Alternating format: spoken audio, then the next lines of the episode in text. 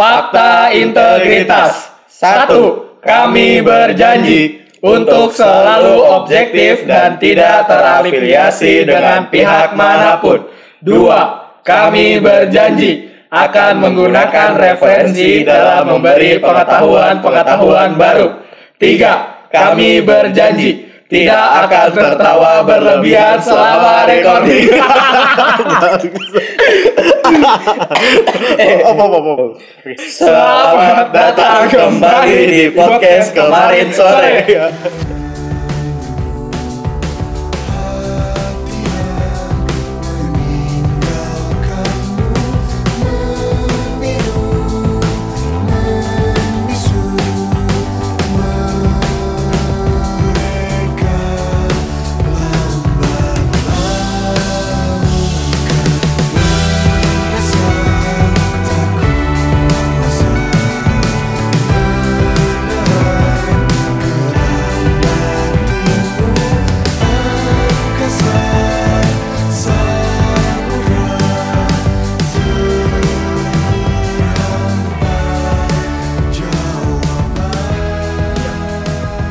Datang kembali di podcast kemarin sore. Hai. Akhirnya Oke. presiden sudah terpilih. belum belum. Oh iya Kan belum. Masih Sudah- sudah tahu. Iya, tapi udah tahu lah. tapi udah tahu Kan beda Kan nanti suka ada ini dulu perebutan. Drama. Saya yang menang. saya yang menang. Saya nggak setuju. Saya harus gugat ke MK. Oh iya. iya. Jadi ini Karena kita ini ada- seminggu sebelumnya ya. Iya, betul. Kita nggak tahu siapa yang terpilih. Iya. Semoga, eh ada semoga ya. Semoga Persetan dengan netralitas gitu ya ya. Semoga ya ta'ala lah pokoknya. Semoga damai. Iya. selamat Semoga untuk Pak. Oh iya. Dan bapak. Hmm. Iya. Bapak jangan people power. Eh Buat tapi sebenarnya kita udah tahu yang menang siapa nggak sih? Karena Karena gue cukup percaya dengan survei, belakangan ini. Karena Karena mayoritas. udah pakai eh, Ya mayoritas juga. lo kayak ngelihat ini gak sih ada fenomena terakhir yang gue ikutin itu ada Brexit sama eh, eh, Amerika pemilu pemilu Pemilu, pemilu. Beli pemilu Amerika dulu kan. itu Pemilu membuktikan Ya. eh, 2016. kemampuan big data untuk membuat peta dan pola survei gitu. Oh iya, emang yang survei udah pakai big data. Udah ya gua, harusnya. gua nonton ada videonya ada salah satu gitu eh ear, earworm apa apa gitu namanya. Hah? Dia justru ya kalau kalian nggak percaya sama kita nggak apa-apa. Tapi ini lihat data hasil survei belakangan kita Yang semakin baik. yang yang terbukti benar adalah di dia Brexit dan pemilu Amerika. Justru Oh. yang survei konvensional ngomongnya yang menang siapa, Tra- Salah. tapi salah kan? Ya. Yang menang adalah Bapak Orange Oh iya. dan Terus si big data ini ternyata membuktikan benar dengan yang menang adalah Donald Trump gitu. Oh iya siap siap. Tapi di Indonesia belum pakai itu kan? Nggak- Apa udah survei? Nggak terlalu terekspos ya kayaknya ya kalau masalah itu. Ya nggak sih? Maksudnya kalau kita lihat dari alat peraga kampanye dan sebagainya Ada sih. masih banyak Yang- yang lebih dominan ya. konvensional kan kayak gitu. Belum dipakai sedalam itu, Hmm. tapi yang gue tahu ada. Mungkin kita dengar dari yang memakai big data sedalam itu dulu aja ya. Baru kita Secara- cerminkan ke Indonesia. Global mungkin Ya, ya. Ya, secara global. Oke oke. Karena sebenarnya kalian dari dengar awal podcast ini pasti tahu lah. Hmm. Faris itu bagian eh, sistematis gitu pemikirannya. Agoy orang yang eh, satu isu tapi mendalam, gue yang bagian sotoy. ya kan? Jadi untuk hal-hal kayak gini gue serahin sama Agoy. Silain gue. Ya dari ini soal sedang menjaga fakta integritas nomor dua sebenarnya teman-teman. Deh. Betul menggunakan apa? referensi, Referensi. referensi. Mantap, mantap, mantap. Jadi pertanyaannya apa ya, Pak? Jadi kalau apa eh, implementasi dari AI ini artificial intelligence di apa eh, sistem politik di apa secara global gitu. Oh iya. Seperti iya. apa sih gue contoh, mungkin contohnya aja sih kayak gitu. Gue buka pakai quotes sih. Jadi ada yang nulis quotes bahwa eh, saat ini Hmm. adalah waktu yang sangat baik untuk kalian menjadi politisi. Wih, Tapi saat ini juga merupakan waktu yang lebih baik untuk menjadi uh, teknik uh, engineer dari machine learning yang dipekerjakan oleh atau yang bekerja untuk politisi. Karena ya today atau nowadays gitu isinya sekarang tentang data. Lalu sebenarnya pentingnya dari si sebelum masuk ke artificial intelligence mungkin kita bahasnya mungkin masuk ke data dulu kali ya. bisa mungkin lebih- ya oke. sebenarnya Eh, oh, buat gimana? yang belum kebayang, sebenarnya ini pertama kali gue aware sama ini adalah film Captain America yang Winter Soldier. Winter Soldier. Oh, Soldier oh itu- yang waktu ini ya, Nah. eh, apa shield disusupi apa? Ya, Shield kan ada Hydra di Ya, dalamnya. disusupi Hydra. Terus ada penggunaan big data Hmm. untuk membunuh orang-orang yang tidak sejalan dengan Hydra. Oh, yang pakai apa sih? Pakai, pesawat itu ya. ah. Tus. Nah, sesuatu yang tidak kita anggap mungkin itu memang gak mungkin sih menerbangkan terus membunuh Iya, iya. ratusan orang dengan akurat, tapi ternyata kemampuan yang sama itu dipunyai ada eksis itu kemampuan itu sekarang tapi digunakan untuk hal-hal lain. Ah, Di, salah ada satunya adalah ya. politik. Ah, iya. Contoh-contoh yang terjadi adalah Nah, mungkin sebelum segitu tadi gue mau lanjutin dari quotes tadi ya, Ah. bahwa kayak gini, eh, selama ini patternnya atau se- secara politik konvensional itu dijalankan dengan eh, banyaknya lebih ke insting. Jadi kayak Ah, iya. melihat polanya ya gimana, ya mungkin ada cara konvensional melalui door to door, melalui survei-survei, tapi kan pada akhirnya keputusan diambil karena data yang diambil tidak benar-benar real akan kondisi sesungguhnya, maka ya udah banyaknya politikal tuh yang insting-instingnya bagus. Bahkan itu pun sebenarnya nggak di politik aja ya, bahkan di jajaran direksi perusahaan pun seperti itu. Tapi sekarang kan ya itulah datang kemudahannya dari data yang udah dikolek, data yang udah disimpan dalam suatu wadah, data yang bisa diakses sehingga kita punya analisis yang harusnya lebih mendekati dengan keadaan sesungguhnya atau keadaan nyatanya. Nah, oleh karena itu di sini hmm, salah satu pentingnya dari penggunaan si uh, data ini adalah bagaimana kalian-kalian nih calon-calon politisi gimana kalian-kalian nih calon-calon politisi nantinya pada akhirnya bisa lebih maksimal bisa lebih efektif dalam berkampanye.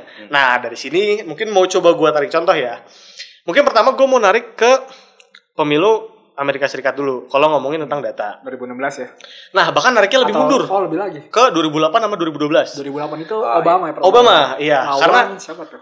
uh, Rodney siapa waktu aduh gue lupa namanya Iya, Cuman yang perlu ditarik adalah gini, patternnya adalah penggunaan data itu pertama kali mulai naik itu pada saat tahun 2008, pada saat Obama pertama kali menang.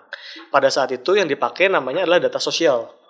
Jadi data yang dilemparkan ke publik, data yang bisa diakses oleh publik, lalu bagaimana caranya dikembangkan secara publik dan gimana caranya meningkatkan partisipasi publik melalui pemahaman terhadap data tersebut. Hmm, Paling gampang yang lewat media sosial. media sosial. Dan sepertinya memang ini juga udah terjadi di Indonesia ya. Ya. Jadi pada saat 2008 tuh ramai gitu orang-orang yang pengen uh, apa namanya berargumen, menyatakan sharing opinionnya sehingga dari sana orang lebih pengen untuk terlibat gitu. Bahkan juga orang jadi lebih pengen untuk memihak.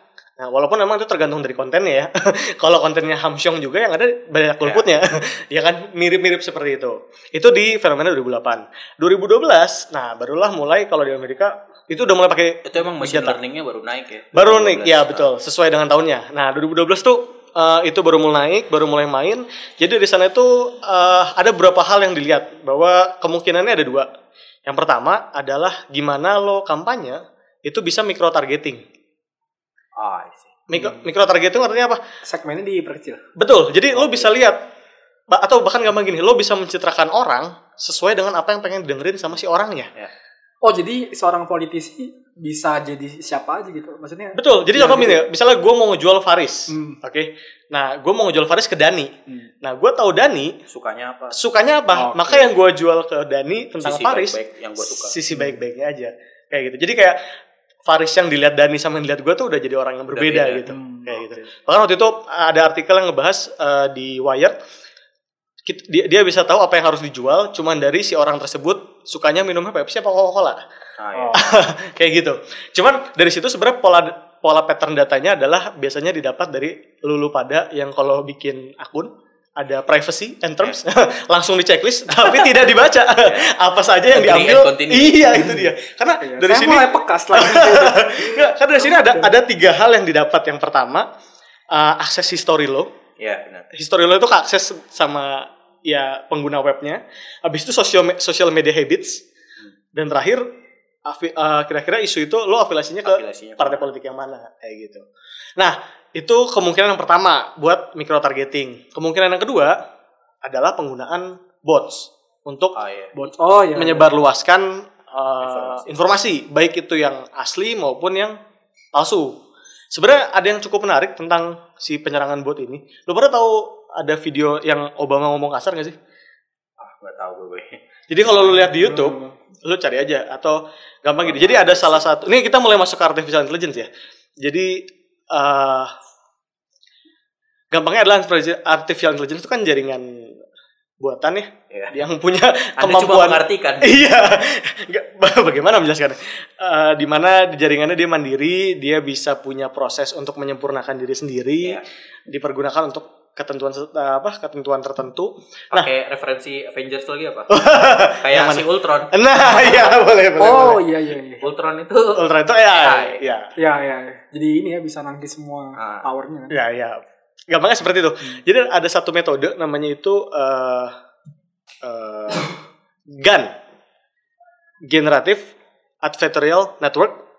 Nah, fungsi dari GAN itu adalah gimana caranya kita bisa memproduksi konten dalam bentuk visual sama audio di mana konten tersebut sebenarnya didapat dari hasil machine learning. Jadi contoh atau contoh gampang gini. Iya. Jadi itu tuh kepecah jadi dua jaringan. Jaringan yang pertama itu Oh. fungsinya adalah untuk merekayasa bentuk yang pengen kita hasilkan. Hmm. Jaringan yang kedua itu kita Sebaliknya. masukkan data yang hasil sesungguhnya gimana. Ya. Contoh misalnya ya, gue mau bikin fotonya Faris, tapi dari fotonya Dani. Hmm. Nah, maka gue masukin foto Dani ke jaringan yang pertama namanya jaringan generatif, yang kedua namanya jaringan diskriminatif. Nah, di jaringan diskriminatif gue masukin foto Faris. Nanti ditempelin, dicocokin lama-lama foto lu menjadi fotonya Dani, eh fotonya Dani menjadi fotonya Faris. Nah, itu diterapkan di waktu itu yang ngadain eh, Jordan Peele, eh, komedian. Dan film. Oh Iya, jadi kan buat film juga kan ya. Iya betul, termasuk gue film juga. Jadi dia bi- dia direkam nih video Jordan Peele lagi ngomong, ceritanya lagi pidato, tapi sama si uh, Gans tadi, si masih AI-nya dirubah jadi muka Obama dan suara Obama. Oh, Dan- itu yang berarti Obama cursing tadi itu hoax. Hoax, tapi di- Oh. itu pertama muncul di Reddit, di Reddit rame, tapi habis itu dikeluarin, ya? di enggak dikelu- dikeluarin dari si Jordan Peele bahwa Oh. ini gue lagi ngetes. Guns-nya, Kayak gitu. Bahkan yang lebih mencengangkan lagi adalah si Guns ini salah satunya adalah uh, pada saat ada video porno Hmm. yang sebenarnya yang mainnya orang lain, Iya. tapi ditempel muka selebritas Ah ini nih yang mengerikan nih. seperti itu. Ada tuh politisi Gerindra kemarin kena. Demokrat, ayo nggak Gerindra ya salah ya. Gerindra, Gerindra. Tapi itu bukan bohong. Mungkin itu asal artificial intelligence. Anda bisa pakai itu, Pak. Karena yang jadi problem adalah eh, hal itu tuh cuma bisa dideteksi pakai AI lagi. Iya, pakai jadi kalau lu mau ngasih ke Roy Suryo suruh ngedetek, Tidak bisa dia. iya. Kemampuan Roy Suryo hanya sampai Luna Maya Ari Peter Pan. Iya. Tidak bisa dia. Obama Obama tidak ngerti. Tidak bisa. Nah, it- itu salah satu contohnya ya bagaimana bot eh, menyerang dan memberikan berita-berita palsu dan juga mungkin sempat ramai juga tentang eh, berita election di Prancis. Waktu itu Emmanuel Macron Emmanuel Macron pernah kena fitnah namanya Macron leaks. Jadi Ah ya. Muncul email-email Emmanuel Macron Ya. terus dibilangnya narasinya adalah oh Emmanuel Macron itu orang yang kacau dan eh, hypocrite eh, Ya. orang yang berlebihan cuman intinya serangan-serangan bot tadi lah mungkin secara umum eh, itu sih eh, penggunaan AI yang pada akhirnya digunakan atau sampai saat ini udah ada di pemilu Oke. Sebelum kita ngejudge karena gue ya respon pertamanya antara kagum atau takut sih. Gue ada Ya. di pihak yang takut. Oke. Sebelum kita lanjut ke sana mungkin kita masuk ke dalam negeri dulu nih. Nah, Iya. Kita udah dari 2008 berarti udah dua kali pemilu. Untuk ya, kita. 9 14 2009 dan 2014 ada nggak sih yang pakai terus?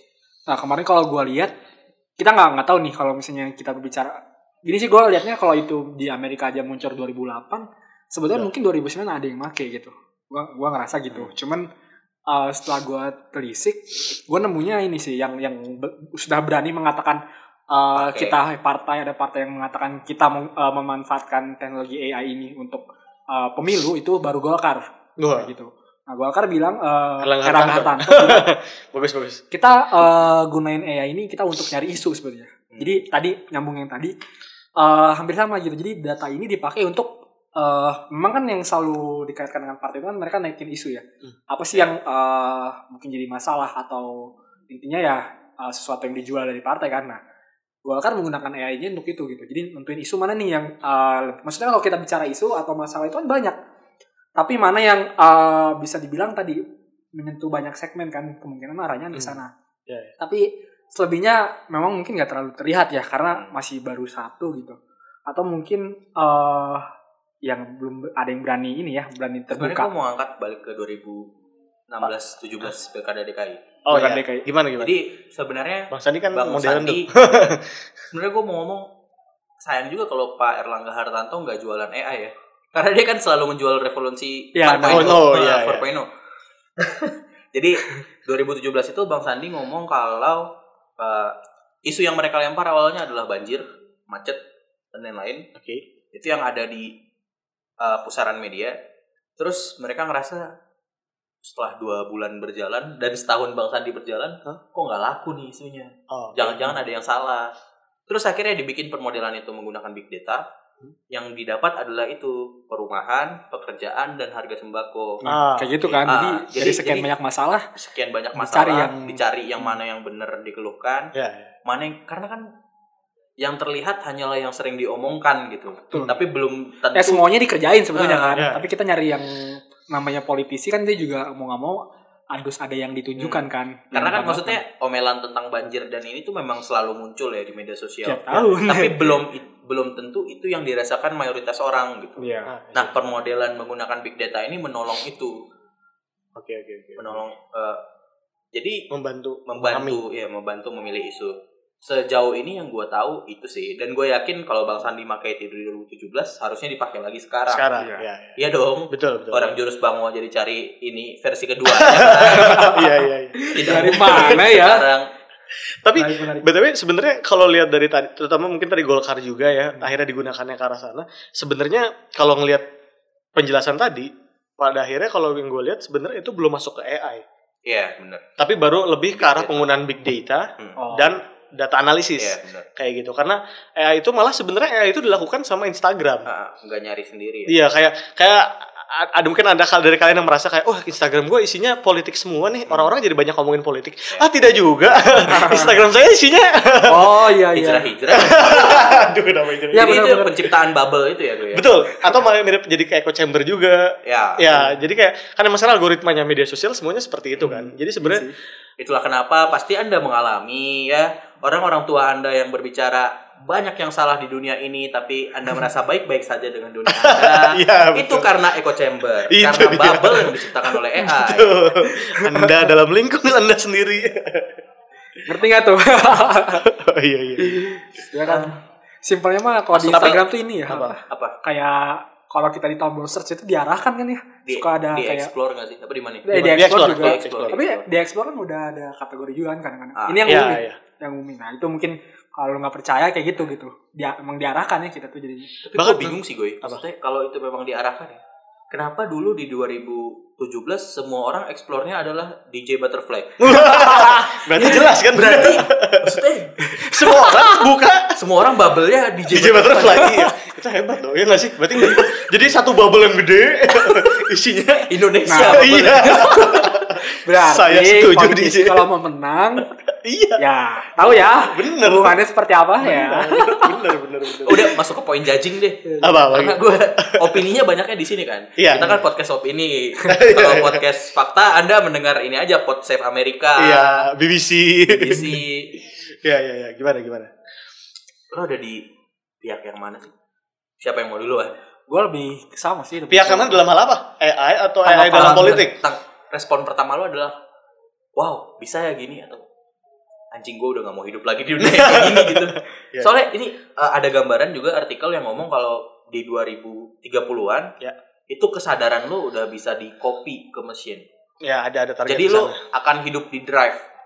ya di drive Badan lo bisa mati, tapi kesadaran lo akan melangsungkan kehidupan lo secara normal di di tubuh yang kayak di. Black Mirror jadi wadahnya Hmm. Ah. Bisa jadi Ah. diwadahi atau memang akti- aktivitas kita di drive semua, nggak Ya. perlu ada aktivitas di dunia nyata. Apa Black Mirror apa kan? Black Mirror apa namanya dong. ada di film Black Mirror kan nah ini Yang kalau referensinya Black Mirror bukan, Bukan. yang sebelumnya lagi Oh sebelumnya. Eh, San Junipero.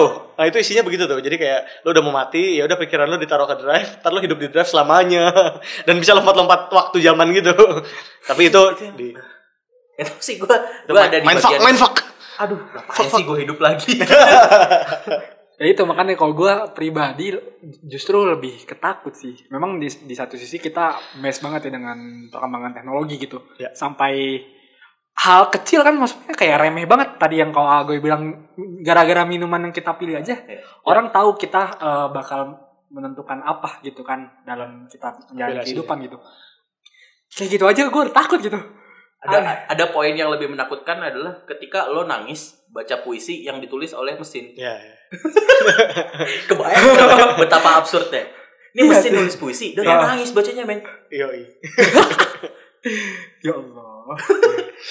Ada ada ada satu tambah referensi bahkan ini udah hadir di kita ya Ya. Eh, ada Google Assistant namanya Google Duplex baru disampaikan sama CEO Google jadi kita kan biasanya pakai Google Assistant tuh misalnya tolong set dong gue misalnya jam 10 Ya. mau ke mana atau jam 10 biasanya taruh di notes kan. Di sekarang tuh kita bisa kayak eh gue jam 12 mau makan di eh, abnormal misalnya. Nanti dia akan nelfon ke abnormal ngebooking tapi bentuk komunikasinya itu udah persis sama kayak orang aja.